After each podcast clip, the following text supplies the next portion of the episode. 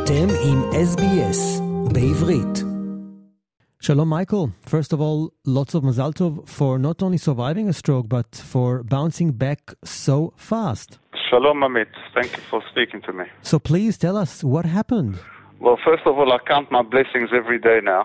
Um, it, it just happened out of the blue, unexpected, just like a, a shot, like a bolt of lightning. I woke up in the morning um, about seven o'clock in the morning just to go to the bathroom.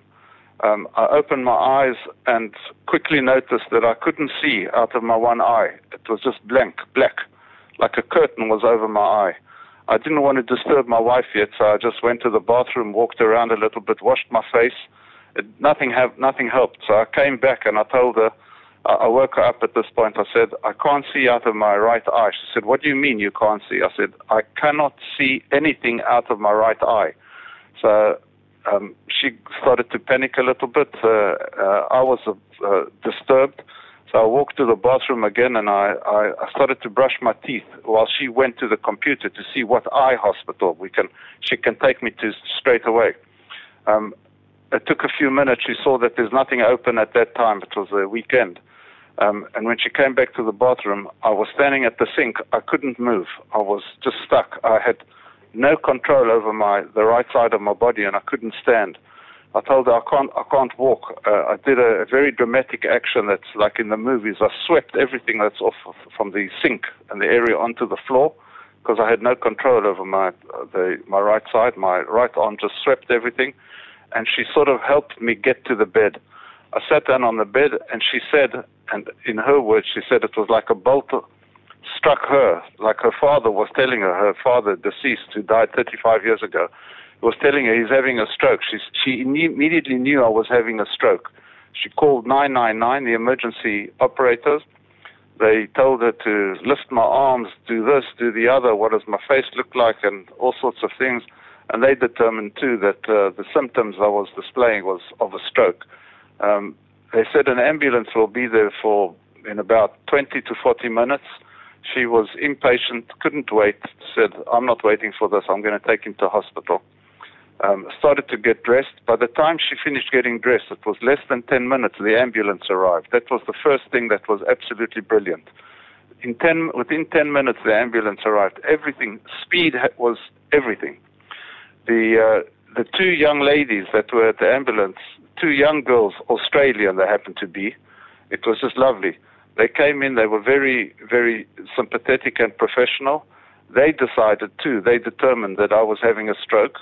They took me into the ambulance and decided to go to a, a specialist hospital. It's a neuro- neurology and ophthalmology hospital in Queen Square in London, where they have an emergency stroke unit. There are very, very, very few of these in England an emergency stroke unit. The Australian girls, who are blessed every day, and my wife wants to kiss them all the time, but they decided that the right place to go is to the neurological hospital in Queen Square, which was further away.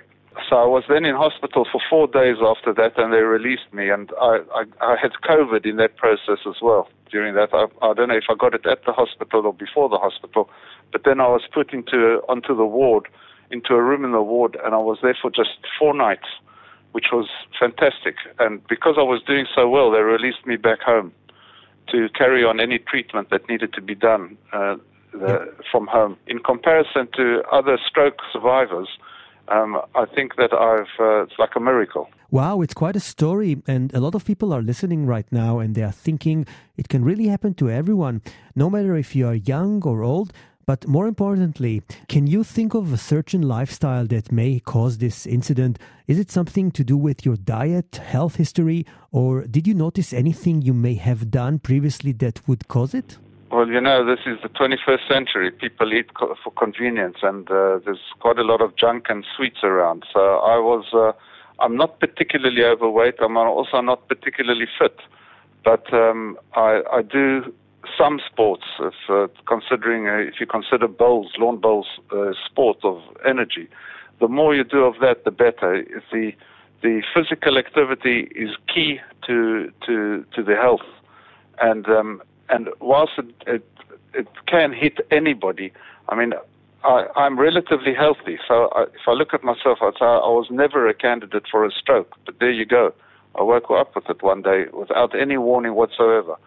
Um, uh, I stopped smoking about uh, five years ago, so and, and and I don't drink, but uh, so I really thought that I wasn't I, I wasn't on the um, on the eyesight of uh, on the snipers, so it's, it's a very narrow alleyway going down at, at this age. I'm not particularly old; I'm in early 60s, so um, uh, I, I felt I was doing everything right. But I can say also that my diet has completely, completely changed since I've had my stroke.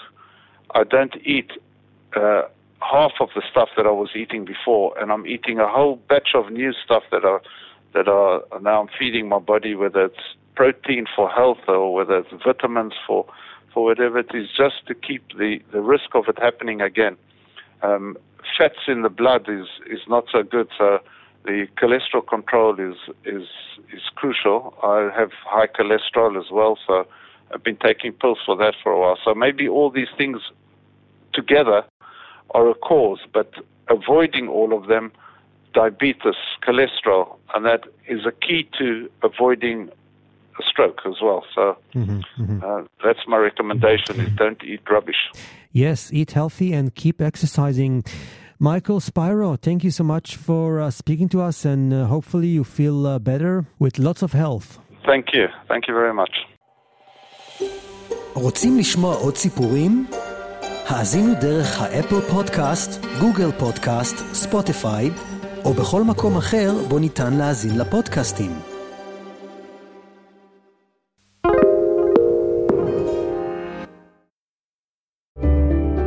Need a few minutes to reset?